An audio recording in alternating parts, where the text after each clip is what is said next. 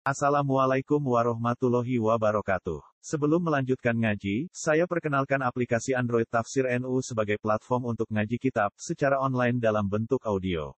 Tafsir NU berisi berbagai kajian kitab kuning dari berbagai ulama NU. Silahkan download aplikasi Tafsir NU di Google Play Store. Link download ada di deskripsi. Wassalamualaikum warahmatullahi wabarakatuh. Halaman 10 بسم الله الرحمن الرحيم. الحمد لله رب العالمين. والصلاة والسلام على أشرف الأنبياء وأفضل المرسلين. سيدنا وحبيبنا وشفيعنا وقرة أعيننا محمد وعلى آله وأصحابه والتابعين ومن تبعهم بإحسان إلى يوم الدين. أما بعد اللهم نور قلوبنا وقلوب أبنائنا وقلوب جميع من طلب في معهدنا بنور المعرفة وعلم المكاشفة والبصيرة والإيمان والإسلام. يا فتاح يا عليم افتح قلوبنا وقلوبهم فتوح العارفين. ربنا افتح بيننا وبين قومنا بالحق وأنت خير الفاتحين. آمين آمين يا رب العالمين. Wa an Habib ibni Asyahid qala wa an Habib lan saking Habib rupani ibni Asyahid putra lanangi Asyahid qala dawuh sapa Habib libnihi marang anak lanangi Habib. Isinya dawuh ishab al-fuqaha wa ta'allam minhum adabahum fa inna dhalika ahabbu ilayya min kathirin minal hadis. Ishab ishab ngancanono siro anakku. Al fuqaha ing piro-piro wong kang alim al fuqaha ing piro-piro wong kang alim. Orang yang ilmunya mendalam tidak hanya terbatas pada fikih saja. Makanya ada hadis mayyuridillahu bihi khairan yufaqqihu fiddin bukan berarti paham fikih tok tapi alim Ishab ngancanono sira al fuqaha ing pira-pira wong kang alim. Wa ta'allam lan belajar sira minhum saking fuqaha belajar adabahum adabahum ing totok romoni fuqaha Fa inna dzalika mongko sak temeni mengkunu-mengkunu suhbatul fuqaha kekancan dengan orang alim, orang fakih iku ahabbu luwe demen. Ilayya marah Jangan sampai ketika kalian menjadi orang tua bisa memberi nasihat kepada umat tapi lupa memberi nasihat kepada keluarga. Pirang-pirang dalam hidup ini orang yang hanya sibuk memberi nasihat orang tapi lupa memberi nasihat kepada anaknya sendiri. Al-Quran mengajari sebuah kisah kepada kita. A'udhu billahi minasyaitonir rajim. Wa idh qala Luqmanu libnihi wa huwa ya'iduhu ya bunayya la tusyrik billah inna syirka la zulmun azim. Saya ambil yang pertama saja. Wa idh qala Luqmanu tatkala Luqman berkata libnihi terhadap anaknya. Inilah profil orang tua yang hebat, inilah profil bapak yang hebat. Bapak yang punya waktu memberi nasihat anaknya. Kadang-kadang bapak itu tidak punya waktu memberi nasihat kepada anak-anaknya. Padahal anak itu penerus kehidupan dia dan anak itulah yang kelak akan kita harapkan doa-doanya. Dan kalau kita sebagai ayah memberi nasihat kepada anaknya, anaknya pun nanti kelak ketika menjadi seorang ayah pasti dia akan nuturi anaknya. Terus nanti cucunya nuturi cucunya terus karena apa? Karena dapat pelajaran hebat dari ayahnya. Jadi anak-anak jangan bilang kamu panceni abah ikut cerewet. Bapakku cerewet. Lo panceni tugasnya bapak itu adalah cerewet berkaul-kaul itu, berkaul-kaul, berkola-kola. Sekarang kolah, besok kolah. Itu memang orang-orang alim terdahulu itu coba lihat. Luqman memberi nasihat kepada anaknya wa huwa ya'iduhu. Dia memberi mau'idoh kepada anaknya. Apa maksudnya nak?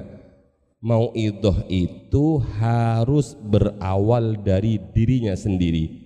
Sebagaimana uh, Allah dawuh kepada Nabi Musa alaihissalam id nafsakah fa fa'idin nas wa illam tastati fastahyi minni id nafsaka awali menasehati dirimu sendiri jadi seorang ayah itu sebelum memberi petuah, memberi nasihat, memberi kaul-kaul terhadap anaknya, dia harus menasehati dirinya sendiri.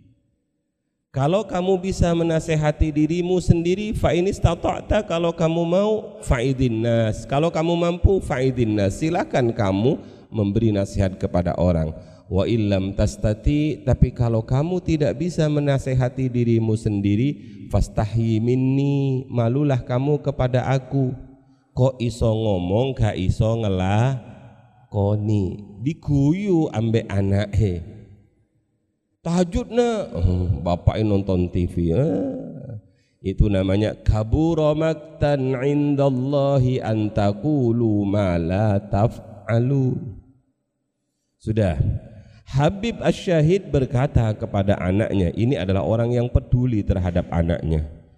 Ishabil fuqaha. Nah, berkawanlah dengan orang-orang alim. Bergaullah engkau, berkumpullah engkau dengan orang-orang alim. Jadi ini pentingnya mujalasatul ulama' mujalasatul fuqaha. Apa apa hanya duduk-duduk saja? Apa hanya berkawan saja? Iya pertama yang penting anak kita kumpul dengan orang alim dulu. Yang penting anak kita kumpul dengan orang fakih dulu. Baru setelah mereka kumpul mundok itu wis pokoknya mundok sih Kau usah ngaji awal-awalnya ndak apa-apa ngaji gak penting. Sing penting mundok sih nangis-nangis oh yang penting nang pondok. Itu sudah mujalasatul fuqaha mujalasatul ulama. Baru setelah itu wa ta'allam minhum. Apa gunanya kalau enggak belajar dari fuqaha? Apa gunanya kalau enggak belajar dari orang alim? Belajar nak dari mereka. Apa yang harus saya pelajari? Lihat adabahum. Apa nak? Adabahum belajarlah adab mereka, belajarlah akhlak mereka. Jadi yang dipelajari terlebih dahulu dari orang-orang alim itu adalah akhlaknya. Bagaimana akhlaknya guru kita, bagaimana akhlaknya kiai kita, bagaimana akhlaknya bunyai kita. Itu pelajaran yang amat luar biasa karena tidak ada kitabnya. Ya itulah berjalan kitab berjalan itu. Lihat Bahyai Jamal, lihat Bahyai Nasir, lihat Bahyai-Bahyai yang sepuh-sepuh itu, bagaimana adabnya. Subhanallah kalau kamu melihat Bahyai Husain, Bahyai Husain itu ketemu siapa pun dicium tangannya. Tawaduknya luar biasa, sederhananya luar biasa, adabnya belajar. Karena itu yang paling mahal dalam kehidupan ini. Belajarlah dari mereka nak adab mereka, akhlak mereka, ini namanya penelitian tentang adab. Bagaimana kalau malam, bagaimana kalau siang, bagaimana kalau beliau sedang duduk-duduk sudah adabahum. Kenapa kok adab yang ditekankan oleh Habib kepada anaknya? Fa inna dzalika ahabbu ilayya karena belajar adab mencontoh adabnya fuqaha mencontoh adabnya ulama lebih aku cintai lebih aku sukai min kathirin dibandingkan kamu belajar banyak minal hadis dari hadis. Ai minal ilmi dari ilmu. Tulis ai minal ilmi. Dibandingkan kamu belajar ilmu dari mereka, lebih penting belajar adabnya. Adab ya, adab. Karena kalau adabnya sudah bagus, ilmunya insya Allah gampang. Seakan-akan begini. Maaf, maaf. Kalau sekedar ilmu, kata Habib mungkin begini, saya nggak paham beliau dawuhnya maksudnya apa. Kalau hanya sekedar ngajari anak ilmu itu mudah enggak? mudah transfer of knowledge itu gampang saya ngajari anak ayo apalkan ayo apalkan ayo apalkan saya sendiri bisa tapi kalau mereka belajar kepada kiai-kiai sepuh belajar akhlaknya belajar adabnya itu yang susah dilakukan oleh seorang ayah Nah, kalau hanya belajar ilmu gampang kok anaknya dikunci, dikei buku, dikei kopi, dikei yang lain-lain gampang. Tapi kalau belajar adab itu harus melihat satu persatu. Eh, sudah penting adab. Wa qala lan dawuh wa qala lan dawuh berikutnya. Sopo Ruwaim, Ruwaim. Ditulis Ruwaim itu namanya Ruwaim bin Ahmad Muhammad Ruwaim bin Ahmad Al-Baghdadi Al-Baghdadi Begini-begini ini penting kamu. Kalau kamu susah nyari anak Oh tinggal buka Adabul Alim. Nama anak saya Ruwaim. Ruwaim Ruwaim. Ruwaim bin Ahmad Al-Baghdadi. Beliau wafat tahun 945 Masehi atau 303 Hijriah. 303 Hijriah wafat beliau Ruwaim radhiyallahu anhu dawuh ya bunayya lagi-lagi dia menasehati anaknya. Dari kata apa nak? Ya bunayya. Ya bunayya wahai anakku apa yang bisa kamu ambil pelajaran dari kata-kata ya bunayya ya bunayya wahai anak cilikku wahai anak lanangku ija'al dadekno siro bunaya ilmaka ing ilmumu. Jadikan ilmumu milhan ing garam. Uyah. Buja buja itu bahasa Inggris. Buja gula Nah, itu namanya bahasa bahasa Inggris. Buja. Milhan ing buja uyah. Wa adabaka ay aj'al adabaka ay ij'al adabaka wa adabaka lan tatakrama sira. Wa adabaka lan tatakrama sira dadikan daqiqon ing tepung. Tepung, tepung. Subhanallah, lihat nak Ruwaim bin Ahmad al-Baghdadi juga menasehati anaknya. Kata-katanya, ya bunayya wahai anakku, jangan lupa panggil anakmu dengan panggilan Al-Quran. Wa idh qala Luqmanu libnihi wa huwa ya'iduhu ya bunayya. Kalau bisa panggil anakmu dengan kata-kata ada aku di sana anakku. Eh, misalnya Mbah Yai Jamal bilang kepada Husain. Kalau bilang Sen Sen Husain, lebih senang mana Husain dipanggil Sen Sen Husain dengan dipanggil Hei cucuku sini, lebih enak mana? Ada kunya di situ. Mbah Yai Jamal manggil kalian, hei santri-santriku, waduh nangis kamu. Dipanggil santri oleh Bayi Jamal padahal aku belunat. Dipanggil santri padahal aku sering melanggar. Tapi saya masih diakui seorang santri. Uh, luar biasa. Panggilan itu penting. Kamu punya istri nanti bilang, misalnya nama istrimu Markona. Nah, onah, onah sini. Jangan. Panggil sayangku, wah istriku, ibunya anak-anakku, yang penting ada kunya di sana bahwa ada hubungan di antara kita. Wahai anakku, kamu ini anak darah-darah dagingku. Kamu ini bukan anaknya siapa-siapa, engkau dengan aku ada hubungan. Maka ada kata-kata ya bunayya. Ketika anak dipanggil wahai anakku, maka anak pasti akan menjawab, nggih wonten nopo ayah, nggih wonten nopo bapak, Bayangkan kalau dalam rumah tangga itu panggilannya jangkar. Misalnya anaknya namanya Joni, John. Bapaknya namanya Tono. Opo Ton? Hmm. John John, opo Tonton? Wah. Jadi orang tua itu harus memanggil memberi contoh dengan panggilan yang bagus ya bunayya wahai anakku. Ij'al ilmaka jadikan ilmumu milhan sebagai garam. Wa adabaka daqiqon dan jadikan akhlakmu adabmu tepung.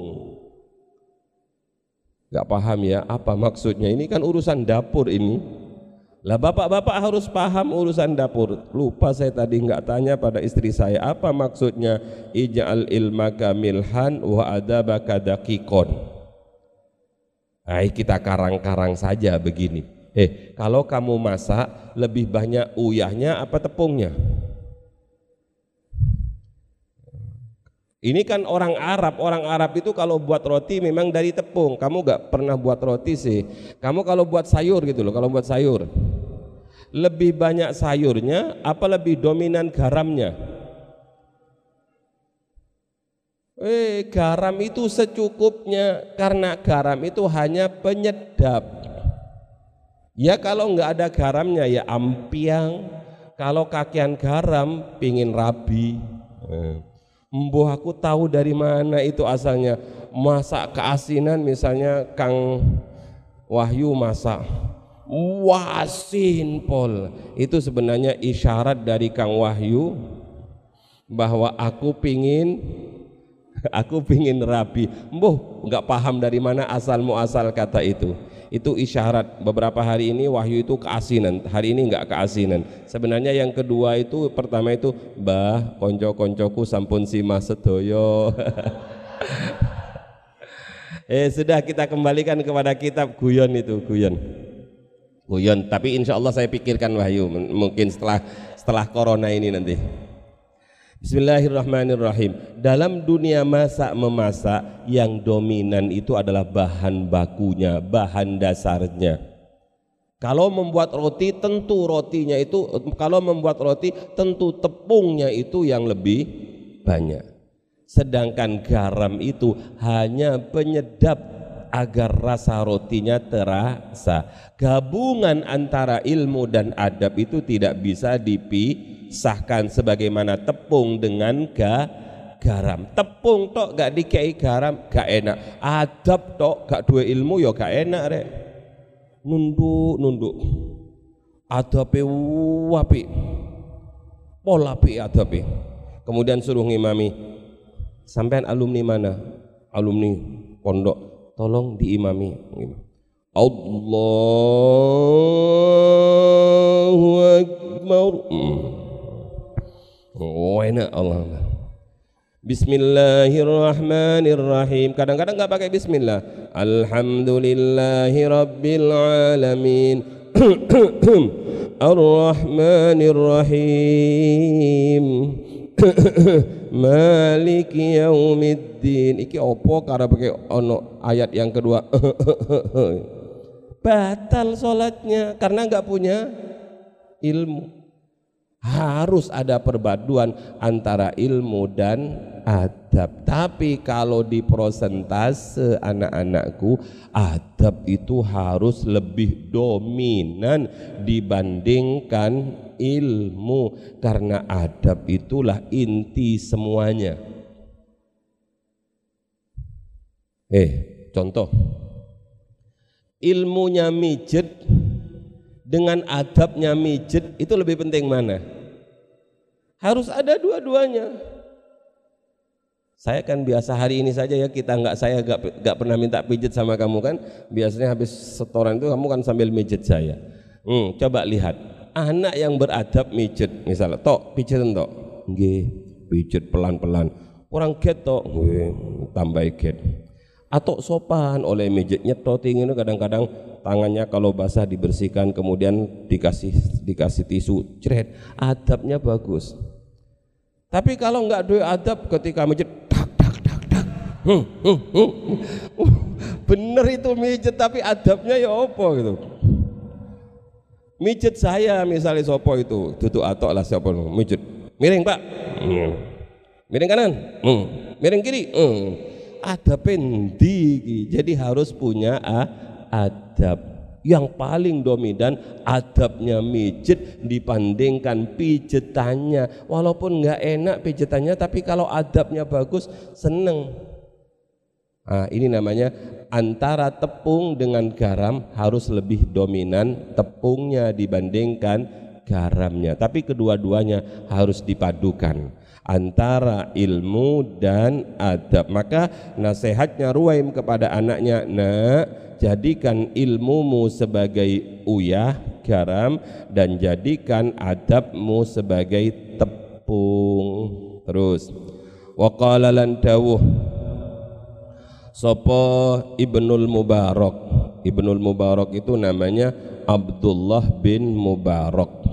Abdullah bin Mubarak lahir di Marwa tahun 118 Hijriah. Beliau lahir pada tahun 100 eh, pada tahun 118 Hijriah Wafat tahun 181 Hijriah jadi gampang ingatnya 118 181. Itu namanya Abdullah bin Mubarak. Abdullah bin Mubarak itu berarti umurnya seperti Rasulullah 63 tahun. Tapi luar biasa, luar biasa Abdullah bin Mubarak ini. Lah Abdullah bin Mubarak ini namanya Abdullah bin Mubarak. Kita jadi ingat siapa Pak Mubarak ini nanti dulu. Wa qala lan sapa Ibnul Mubarak Abdullah bin Mubarak radhiyallahu anhu Nahnu utawi kita ila qalilin marang perkara setitik minal adabi saking adab iku ahwaju luweh butuh. Iku ahwaju luweh butuh minna tenimbang kita ila kathirin marang perkara akeh minal ilmi saking ilmu. Aduh bareng-bareng terus dangdutannya ambek ngaji nih ya kak popo lana a'maluna walakum a'malukum jadi di sini ngaji di sana dangdutan besok barangkali dangdutannya ngawali kemudian ngajinya atau yang Besok kita yang menyesuaikan diri.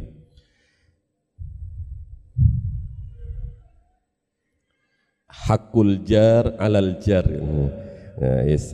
Qala dawu sapa Ibnul Mubarak Ibnul Mubarak radhiyallahu anhu.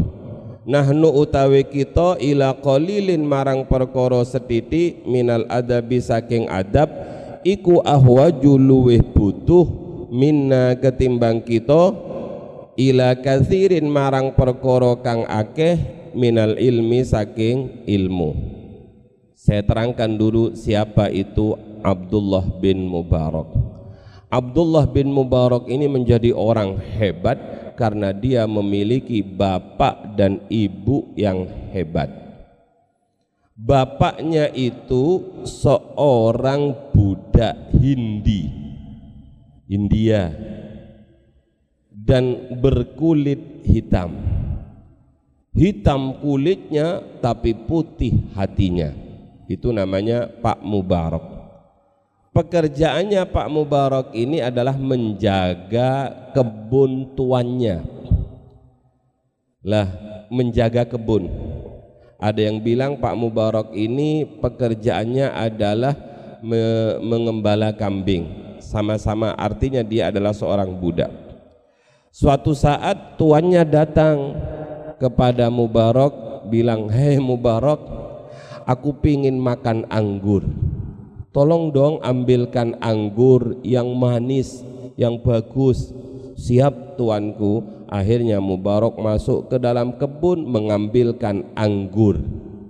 Dipetiklah anggur itu kemudian dikasihkan kepada tuannya. Setelah dikasihkan kepada tuannya dimakan oleh tuannya kejut oh tuh tuh tuh. Mubarak gimana kamu ini? Tak suruh ngambil anggur yang enak kok diambilkan yang kecut seperti ini ini kalau orang Madura yang jawab siapa yang tahu dalamnya anggur gitu ya tapi Ibu Mubarak itu berkata, "Wahai tuanku, mohon maaf. Selama beberapa tahun saya menjaga anggurmu, tidak pernah saya nyicipi satu kali pun anggurmu." Hebat ya? Masya Allah Mubarak Sepuluh tahun kamu menjaga kebunku Gak pernah kamu nyicipi. Persis seperti kalian kan? Eh, pohon-pohon mangga di situ itu saya nggak pernah nyicipi. Dicicipi kalian terus. Sepuluh tahun kamu menjadi budakku menjagakan kebunku ini gak pernah kamu mengambil satu pun belum pernah wahai tuanku karena memang pancenengan tidak memberi tugas saya ngambil tapi pancenengan memberi tugas saya memberi tugas saya menja menjaga ini namanya pagar yang tidak makan tanaman. Lah sekarang kan banyak pagar-pagar yang makan tanaman. Bukan sak tanam tanamannya, tanahnya juga diambili. Terus akhirnya ibunya, bapaknya itu pulang. Bu, kita punya anak satu, perempuan, cantik. Banyak sekali pejabat-pejabat, bangsawan-bangsawan, kiai-kiai yang datang ngelamar tapi kita tolai semua. Sekarang saya sudah punya calon bu. Alhamdulillah bah. Alhamdulillah. Siapa calonnya bu? Siapa calonnya ya? Mubarak bu. Mubarak sinten? Nggih Mubarak penjaga kebun kita. Inna lillahi wa inna ilaihi raji'un. Teganian kau bapak Anak kita putih, kuning, langsat, tinggi, semampai seperti itu. Mau dikawinkan dengan Mubarak yang gak ada bentuknya itu. Apa kata tetangga-tetangga kalau dia berjalan nanti seperti bendera hitam dan kuning. Sudahlah bu, yang penting kan hatinya putih. Singkat cerita, dialoglah antara suami istri ini. Kemudian istrinya diberi hidayah oleh Allah menerima menantu Mubarak ini apa yang terjadi anak-anakku? Kemudian dari pernikahan yang luar biasa ini lahirlah seorang yang hebat yang bernama Abdullah bin Mubarak. Abdullah bin Mubarak itu pernah dawuh nahnu ila qalilim minal adab ahwaju minna ila kathirim minal ilmi kami terhadap tata krama sekalipun itu sedikit lebih kami butuhkan dibandingkan ilmu yang ba banyak. Apa artinya ilmu yang banyak kalau tidak disertai dengan adab? Terus wakilalan din dawaki li imamina marang imam kita li imamina marang imam kita Asy-Syafi'i Imam Asy-Syafi'i radhiyallahu anhu. Kita juga tahu siapa Imam Syafi'i itu kemarin saya ceritakan. Beliau hebat karena memiliki ayah yang hebat tapi lebih dari itu ibunya luar biasa hebatnya. Radhiyallahu anhu Imam Syafi'i pernah dikata ditanyakan kepada Imam Syafi'i kaifa syahwatuka lil adab kaifa syahwatuka lil adab? Kaifa iku koyok nopo? Seperti apa syahwatuka utawi keinginanmu? Syahwatuka utawi keinginanmu lil adabi marang etika marang adab marang akhlak. Faqala mungko dawuh sapa asy-syafi'i? Faqala mungko dawuh sapa asy-syafi'i? Asma'u krungu ingsun bil harfi kelawan sak huruf minhu saking adab. Fatawadda mongko demen opo a'dha'i opo a'dha'i piro-piro anggota ingsun. Anna ing sak temeni laha iku kedue a'dha'i laha kedue a'dha'i. Asma'an piro-piro pendengaran tatana amu kang ngerasa enak. Tatana amu kang ngerasa enak opo a'dha'i bihi kelawan bihi kelawan adab atau bihi kelawan huruf? Bihi kelawan huruf. Wakila lan den tanyakan lahu kedua imamuna asy-Syafi'i wa kaifa talabuka lahu wa kaifa iku kados pundi talabuka utawe oleh golek sira? Lahu marang adab. Bagaimana caramu mencari adab seperti apa? Qala jawab. Qala jawab sapa Imam Asy-Syafi'i. Talabul mar'ati ai tolabi tolabul mar'ati. Iku koyo oleh iku koyo oleh goleke wong wadon garis miring ibu. Al mudhillati kang kehilangan waladaha ing anake mar'ah. Waladaha ing anake mar'ah. Walaisalan lan ola ono. Walaisalan ora ono iku laha kedue mar'ah opo sopo ghairuhu sakliyani walad? Sopo ghairuhu sakliyani walad? Hai diterjemah. Imam Syafi'i itu pernah ditanya jadi memang tugasnya kiai itu adalah tempat bertanyanya masyarakat? Tempat masyarakat sowan untuk bertanya maka jangan pernah bosan menjawab pertanyaan-pertanyaan. Salah satu pertanyaannya begini kaifa syahwatu kalil adab? Wahai Imam Asy-Syafi'i seperti apa keinginanmu dalam urusan adab dalam urusan etika? Maka Imam Syafi'i menjawab dengan jawaban yang agak panjang yang menunjukkan betapa beliau menyertakan seluruh anggota tubuhnya dengan urusan adab itu. Jawaban beliau asma'u bil bil harfi minhu fatawadda a'dha'i anna laha asma'an tatana'ama biha tatana'amu biha. Kata beliau kalau saya mendengar satu kata, satu huruf tentang adab, tentang akhlak, maka seluruh anggota tubuh saya itu merasakan nikmat yang luar biasa. Jadi menemukan nikmat yang luar biasa ketika ada orang berbicara tentang akhlak. Seluruh tubuhnya itu menemukan kenikmatan. Gimana caranya menemukan kenikmatan? Sudah gampangannya, orang yang dangdutan itu lihat. Bagaimana orang yang dangdutan itu? Ketika musik masuk ke dalam telinganya, lagu masuk ke dalam telinganya, apa telinganya saja yang bergerak? Enggak kan? semuanya kan ikut.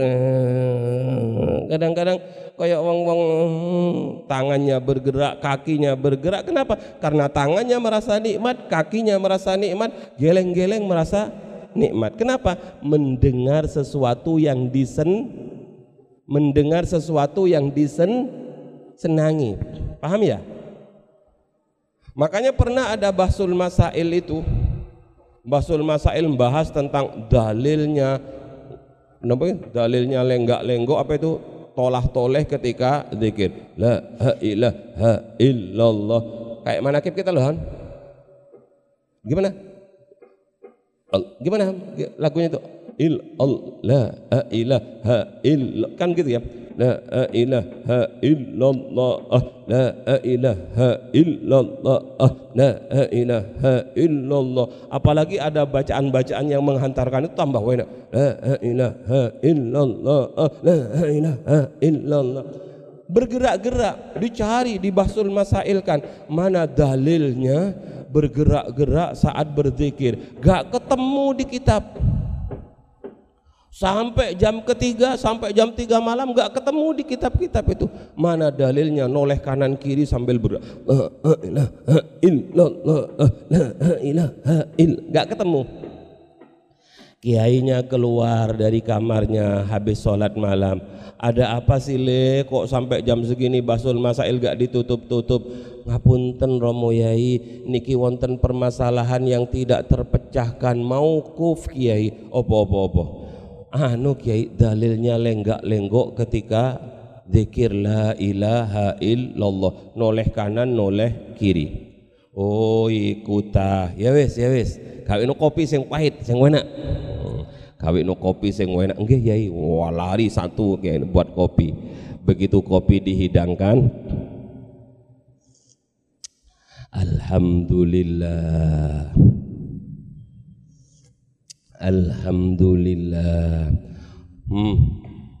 minum kopi diseruput sambil nolah-noleh Alhamdulillah ikut dalile jadi santri-santri dulu itu cerdas. Ah, ketemu dalili. Apa dalili? Karena saking nikmatnya minum kopi sehingga kiai bilang alhamdulillah sampai geleng-geleng. Alhamdulillah. Eh kalau kamu kepedesan gimana? Ngapain sampai wah wah begitu? Coba. Kan bisa sih. Iya. Kenapa kamu kalau ah, tangan-tangannya sampai ngapain begitu action banget kamu tenang aja lah jadi anak-anak gerakan badan itu terpengaruh oleh perasaan hati. Imam Ash-Syafi'i itu mengatakan kalau saya mendengar ada guru, ada kiai, ada orang berbicara tentang akhlak, akhlaknya ulama-ulama terdahulu, akhlaknya orang-orang salaf terdahulu, saya merasa nikmat seluruh anggota tubuh itu merasakan nikmat dengan satu keterangan saja. Itulah itulah namanya tubuh yang hidup. Anggota tubuh yang merasakan nikmat. Sudah. Wakilalan dikatakan Imam Syafi'i kemudian ditanyakan wakilalahu? Ditanyakan kepada Imam Asy-Syafi'i wa kaifa talabuka lahu? Bagaimana kalau kamu sudah merasa nikmat? Bagaimana caramu mencari akhlak itu? Bagaimana caramu mencari adab itu? Maka Imam Syafi'i menjawab Qala talabul mar'ati limudil al-mudillati waladaha walaysa laha ghairahu. Saya mencari adab itu seperti seorang ibu yang kehilangan anak satu-satunya. Ada seorang ibu anaknya hilang. Padahal anaknya itu satu-satunya. Bingung enggak sungguh-sungguh enggak Makanya kadang-kadang istri saya itu bilang, mana anaknya? Mana anaknya mbak? Bingung dia, mana anaknya? Bapak-bapak itu biasanya tenang aja anaknya kak ono gitu. Tapi ibu luar biasa begitu enggak melihat anaknya, anak itu pun tiba. Tadi ada di sini deh, langit yang pun saat niki, enggak paham. Ya Allah ke mana? Bingung. Itu anaknya sendiri Santri itu kalau nggak datang, makanya bunyai itu untuk santri putri itu kalau misalnya jam pulangnya itu jam sekian, kemudian anak-anakku yang di rumah yang ngaji yang dengarkan ini, perhatikan. Kalau kalian misalnya jam 3 sudah harus balik pondok. Jam 4 gak balik, jam 5 gak balik, jam 6 gak balik, sampai malam gak balik istri saya tuh bingung. Ono santri bahasa enggak ono kurung teko gimana ini gimana ini. Saking apanya begitu itu? Saking khawatirnya. Nah inilah cara Imam Syafi'i menjelaskan. Saya mencari adab itu sebagaimana seorang ibu yang punya putra satu dan putranya hilang Maka dia tidak akan bisa tidur dia tidak akan bisa tenang. Kenapa? Karena dia harus mencari anaknya ke sana kema kemari. Paham ya? Nggih pun. Terakhir. Wa qala lan dawuh sapa ba'duhum sebagiani ulama at-tauhidu utawi tauhid iku yujibu netepake apa tauhid al imana ing iman. Faman mungko utawi sapani wong la imana orang duweni iman ora ono iman iku maujud lahu kedue man la tauhida mungko ora ono tauhid iku maujud la tauhida mungko ora ono tauhid iku maujud lahu kedue man wal imanu utawi iman. Wal imanu utawi iman. Iku yujibu netepake opo iman. Asyari'ata ing syariat. Faman mungko utawi sapani wong. La syari'ata ora ono syariat iku maujudah. La syari'ata ora ono syariat iku maujudah saya mendapatkan makna begini dari guru saya almarhum Mbah Yai Usman Rahim. Pak Yai Usman Rahim itu alim sekali. Kalau makna itu kalau uh, la imana lahu maka orang iman iku maujud. Kalau mufrad. Kalau kalau muannas beliau membacakan la syari'ata mungko orang syariat iku maujudah. Saking saking telitinya untuk urusan nahu.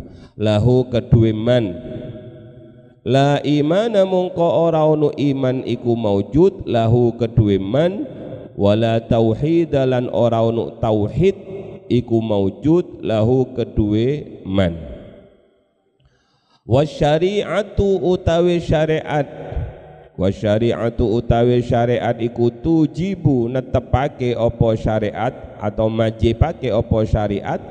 Al adaba ing totok kromo. Al adaba ing totok kromo. Faman la adaba lahu la syari'ata lahu. Faman mungko utawi sapani wong la adaba kang ora ono adab iku maujud la adaba kang ora ono adab iku maujud lahu kedue man la syari'ata mungko ora ono syariat iku maujudah lahu kedue man wala iman lan ora ono iman iku maujud lahu kedue man wala tauhida lan ora ono tauhid iku maujud lahu kedue man Eh diterjemah pelan-pelan saja. Sebagian ulama berkata at-tauhid yujibul iman. Tauhid itu akan menetapkan keimanan. Maka faman la imana lahu la tauhida lahu. Siapa yang tidak punya iman dalam dadanya, maka dia tidak memiliki tauhid di dalam dirinya iman. Wal iman yujibu syariah. Sedangkan iman itu menetapkan mewajibkan adanya syariat. Iman tok enggak bisa harus ada syariat. Maka faman la syari'ata lahu la imana lahu wala tauhida lahu. Dua. Orang yang tidak punya syariat tidak punya syariat dalam dirinya maka tidak ada bersemayam iman dan juga tidak ada bersemayam tauhid. Terus sekarang syariat. Syariat itu butuh kepada adab. Wa syariatu tujibul adab. Makanya faman la adabalahu la syari'ata lahu wala imana lahu tauhid lahu. Intinya di adab itu. Kalau orang itu tidak punya adab sekalipun dia punya ilmu fikih ilmu syariat dia punya ilmu tauhid bahkan dia orang yang beriman nilainya enggak sempurna. Kalau dia tidak punya adab apa gunanya dia punya ilmu fikih? Apa gunanya dia ilmu tauhid apa gunanya dia punya keimanan? Kalau dia tidak punya totok romo. Jadi intinya anak-anak ada pada totok romo. Uh, saya tutup uh, pertemuan ini kajian kita pagi ini dengan satu cerita yang sangat indah dan itu ditulis dalam kitab Arba'in Nawawi paling kecil itu. Suatu saat ketika Rasulullah sallallahu alaihi wasallam duduk-duduk dengan para sahabat, tiba-tiba datang seorang laki-laki misterius. Pakaiannya amat sangat putih, bersih. Parfumnya amat sangat harum, rambutnya sangat amat hitam tidak ada sahabat-sahabat itu yang tahu dari mana munculnya orang ini dari pintu sana apa dari pintu sana tidak ada yang tahu karena tidak ada labet, tidak ada bekas, tidak ada tanda-tanda dari mana dia datang. Tahu-tahu masuk saja ke masjid menuju Nabi. Begitu berada di hadapan Nabi, laki-laki misterius itu duduk di depan Nabi dengan posisi lututnya bertemu dengan lutut Nabi. Tangannya ditaruh di atas paha baginda Nabi. Tangan kanannya berada di paha kiri Nabi. Tangan kirinya berada di paha kanan Nabi. Lah pertemuan seperti inilah yang kemudian ditiru dalam dunia torikoh kalau orang itu mau baiat. Uh, sudah nggak usah bahas bayat itu. Insya Allah kita nanti kalian menurut saya harus bayat nanti akhir-akhir kalau sudah siap. Nah, sudah. Lah laki-laki misterius ini berkata, Ya Rasulullah, mal iman, mal Islam, mal ihsan. Atau akhbirni anil iman, akhbirni anil Islam, akhbirni anil ihsan. Ya Rasul ceritakan kepada saya terangkan kepada saya apa yang disebut iman. Kanjeng Nabi kemudian menjawab iman itu adalah antuk billahi wa malaikatihi wa kutubihi wa rusulihi wal yaumil akhir dan seterusnya. Begitu dijawab oleh Rasulullah dengan jawaban bahwa iman itu adalah percaya kepada Allah, percaya kepada apa nak? Utusan-utusan Allah, percaya kepada malaikat-malaikat Allah, terus percaya kepada kitab-kitab Allah, terus percaya kepada hari akhir, percaya kepada kodok, qadar khairihi wa syarrihi minallah. Begitu dijawab seperti itu, laki-laki ini kemudian menyatakan sodakta benar engkau. Para sahabat yang lain iki opo karpe tako tapi bilang benar ini ada orang tako tapi begitu ditako oh ngoten ta. Harusnya kan begitu. Enggak ya Rasul matur nuwun. Itu kan takoe orang nggak paham. Tapi takoe guru itu gimana? Eh berdiri. Apa yang disebut dengan uh, isim ghair munsorib malahu illatani min ilalin tis'in au illatani taqumu maqam au au illatun taqumu maqamal illataini. Tiba-tiba dijawab seperti itu. Bagus. Karena apa? Karena guru. Apa yang dimaksud isim ghair munsorib Isim ghair munsharif adalah isim yang dua punya ilat dari ilat sembilan malahu illatani min ilalin tis'in aw wahidatin taqumu maqamal illataini atau punya dua ilat uh, yang bisa atau punya ilat satu yang menempati ilat dua. Paham tidak kamu? Hmm. Saya dulu ngapalkan itu ndak ngapalkan nahu itu kutu diapalkan. Isim ghair munsharif itu kan yang paling sulit. Malahu illatani min ilalin tis'in awahidatun taqumu maqamal illataini. Wis gak paham gak apa-apa, yang penting dulu tak hafal, akhirnya paham-paham juga. Lah ketika gurumu tanya tentang isim ghair munsorib, kamu jawab dengan benar, maka guru akan berkata, "Ahsantah, bagus, duduk." Kamu yang lain, ya apa karpe guru iku takok tapi bilang bagus. Enggak usah heran. Nah, pancene guru. Lah begitu sodakta benar engkau Muhammad Kemudian tanya lagi, akhbirni anil Islam. Tolong sekarang terangkan pada saya tentang Islam. Apa yang disebut Islam? Antashhada an la ilaha illallah wa anna muhammadar rasulullah wa antuqimus salah dan seterusnya. Apa rukun Islam itu loh? bersyahadat, sholat, zakat, haji, puasa atau puasa haji. Begitu dijawab begitu, sodakta, benar engkau. Tanya lagi yang ketiga, akhbirni anil ihsan. Sekarang ceritakan pada saya tentang ihsan wahai Muhammad.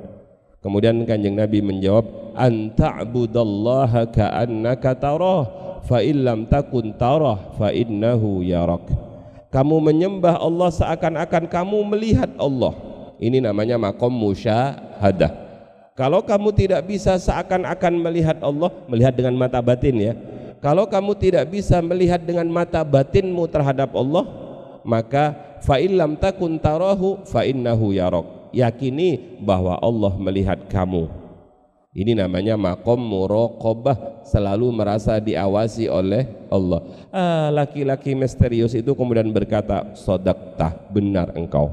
Maka semua orang menjadi heran-heran. Ini tanya, dijawab, lantas membenarkan. Singkat cerita anak-anak yang ingin saya ambil dari ini karena kita membahas tentang tauhid, syariat dan adab.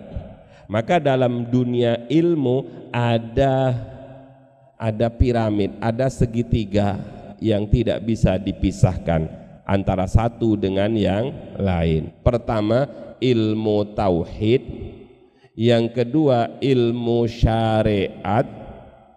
Syariat kemudian diwakili oleh namanya ilmu fikih. Yang ketiga, ilmu adab. Ilmu adab yang disebut dengan ilmu tasawuf. Ini lengkap harus. Maka kalau orang itu tidak punya adab, tidak punya ilmu fikih sekalipun dia punya. Kalau dia tidak punya adab, maka dia seakan-akan tidak punya ilmu tauhid. Ini bahasa yang dia. Faman la adaba la syari'ata lahu wa la imana lahu wa la tauhid lahu. Paham nggih? Nah, makanya kemudian diperinci ilmu yang pertama disebut dengan ilmu akidah al ilmu alladhi akidah makanya kamu belajar ilmu tauhid itu penting. Mulai dari yang paling kecil sampai yang paling besar. Ilmunya agar hati ini menjadi yakin mantap terhadap Allah. Ilmunya disebut dengan ilmu tauhid ilmu akidah ilmu kalam atau ilmu teologi. Silahkan. Penamaan-penamaan itu ada alasannya. Kalau ingin tahu alasannya kuliah di Aibafa oh, masa harus sekarang semuanya kuliah ndak? Kuliah di Aibafa kok tak terangkan di sana diterangkan di sini kelamaan. Ilmu itu harus sesuai dengan pemakannya. Kalau kamu punya anak kecil ya dipakan di, dipakani kok dipakani? Dikasih makan bubur anak kecil dikasih sambal terong eh ya sakit. Nanti ke sana kuliah. Terus yang kedua adalah ilmu syariat ilmu fikih. Apa gunanya? Al ilmu alladhi yusahhihul ibadah. Agar ibadah kita menjadi benar menjadi sah menjadi di, diterima. Sah. Sah dan batal. Itu namanya ilmunya ilmu fikih. Ilmu syariat. Yang kedua, yang ketiga disebut dengan ilmu tasawuf atau bahasa di sini disebut dengan ilmu adab yang dalam bahasa Kanjeng Nabi tadi disebut ihsan. Apa itu al ilmu alladzi yusahhihul qalbah ilmu yang gunanya adalah membenarkan hati, perilaku yang muncul dari hati. Hati menjadi bersih, tazkiyatun nufus, pembersihan jiwa. Lah, ketiga-tiganya itu anak-anak ada dalam hadis tadi itu. Mal akhbirni anil iman, akhbirni anil Islam, akhbirni anil ihsan. Lah kalian saat ini sedang belajar ketiga ilmu itu. Makanya lama ndak belajar itu? Lama ndak belajar fikih bab tohara wis mulai. Padahal masih ada bab apa itu. Makanya kadang-kadang pahami mau toharo ada bab toharo mari toharo apa nak Solat, mari solat ada muamalah, ada munakahat, ada jinayat. Nih kesusu pulang kamu paham toharoto, gak paham yang lain. Apalagi belajar tentang tasawuf. Subhanallah, malam yataghalghal fi ilmina hadha Barang siapa yang tidak belajar sungguh-sungguh tentang ilmu saya ini kata Syekh Abil Hasan Asyadili tentang ilmu tasawuf ini kalau dia mati dikhawatirkan mata Yahudian au Nasronian khawatir mati dalam keadaan membawa dosa besar dalam riwayat yang lain. Kenapa? karena hatinya belum tertata. Makanya mudah-mudahan kalian sabar mundok. Kalian kulaan sebanyak-banyaknya. Kulaan itu bukan hanya untuk diri kalian tapi juga untuk keluarga kalian kelak dan untuk masyarakat kalian kelak. Sebagaimana dalam bahasa Bahrul Ulumnya falaula nafaru min kulli firqatin minhum ta'ifatul liyatafaqahu fid din. Tafaqquh fid din.